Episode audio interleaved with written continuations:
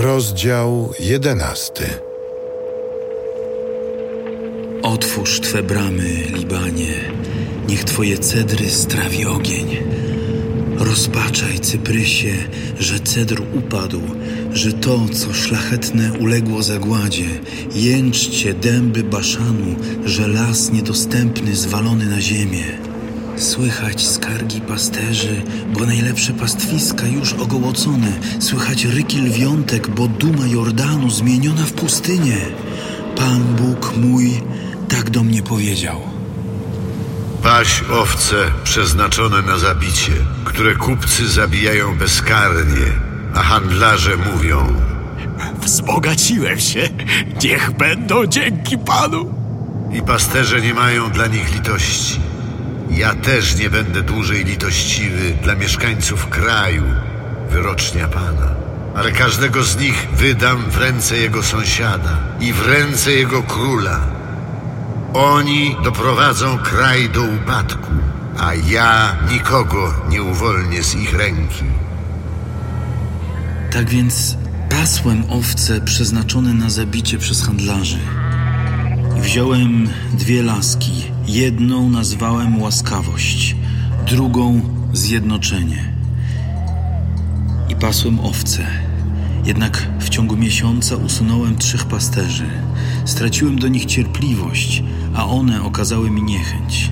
Dlatego powiedziałem: Nie chcę was paść dłużej. Co ma umrzeć, niech umiera. Co ma zginąć, niech ginie, a te, które pozostaną, niech się wzajemnie pożrą. Wziąłem moją laskę łaskawość i złamałem ją na znak zerwania przymierza, które zawarłem ze wszystkimi ludami. I w tym właśnie dniu zostało ono zerwane. Handlarze owiec, którzy mnie podglądali, przekonali się, że to było słowo Pana. Potem zwróciłem się do nich. Jeżeli to uznacie za słuszne, dajcie mi zapłatę, a jeżeli nie, zostawcie ją sobie. I odważyli mi trzydzieści srebrników. Pan jednak rzekł do mnie: Rzuć odlewnikowi tę sowitą zapłatę, której w ich przekonaniu byłem godzien. Wziąłem więc trzydzieści srebrników i rzuciłem je odlewnikowi w domu pańskim.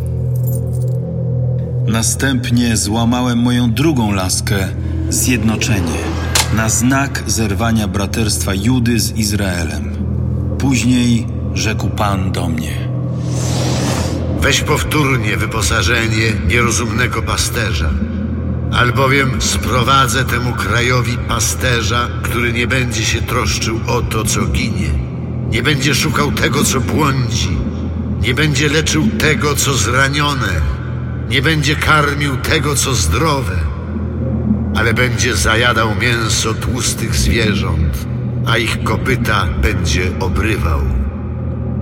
Biada pasterzowi bezużytecznemu, który trzodę porzuca. Miecz niech spadnie na jego ramię i na jego prawe oko. Niech uschnie jego ramię, a prawe oko niech całkiem zagaśnie.